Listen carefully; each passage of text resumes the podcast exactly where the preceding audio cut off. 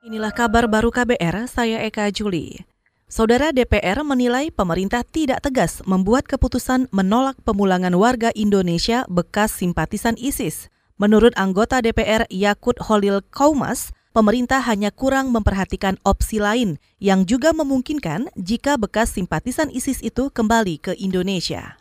Menurut saya ini bersayap. Karena apa? Karena tidak dinyatakan, tidak ada pernyataan bagaimana dengan kombatan yang pulang sendiri atau pulang karena fasilitas dari kelompok tertentu gitu misalnya. Ini kan juga harus diantisipasi karena kita tahu orang masuk ke Indonesia itu gampang. Banyak jalan semut untuk masuk ke Indonesia ini yang pertama. Anggota Komisi yang membidangi dalam negeri DPR Yakut Holil Kaumas mengatakan Pemerintah seharusnya mencermati latar belakang lebih dari 600 warga Indonesia bekas simpatisan ISIS di Suriah. Menurutnya, pemerintah seakan menyaksikan kerja lembaga intelijen dalam negeri dengan memilih data CIA untuk menghitung jumlah warga negara Indonesia bekas simpatisan ISIS di Suriah. Yakut menilai data dari lembaga lokal lebih kredibel daripada lembaga luar negeri, belum lagi kekhawatiran permainan data oleh lembaga asing.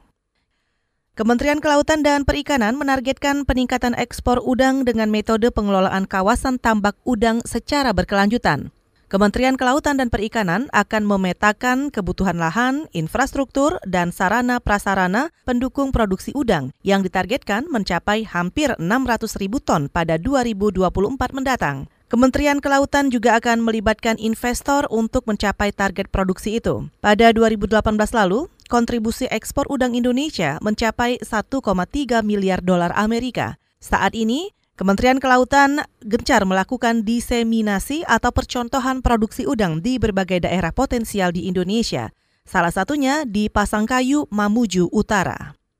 Kita ke berita olahraga. Leg pertama semifinal Coppa Italia 2020 bakal menyajikan duel AC Milan melawan Juventus di Stadion San Siro dini hari nanti. Laga ini juga menampilkan dua bintang di Liga Italia, Cristiano Ronaldo di Juventus dan Zlatan Ibrahimovic di AC Milan. Pelatih AC Milan Stefano Pioli mengaku sulit menghadapi Juventus pasca kekalahan dalam laga lawan Inter Milan akhir pekan lalu. Laga lawan Juventus pada leg pertama semifinal Coppa Italia adalah laga penting bagi Milan. Coppa Italia menjadi satu-satunya kesempatan Milan untuk mengakhiri musim dengan gelar. Untuk tataran Eropa dan dunia, Milan terakhir kali meraih Liga Champions, Piala Super Eropa, dan Piala Dunia antar klub pada 2007. Saudara demikian kabar baru, saya Eka Juli.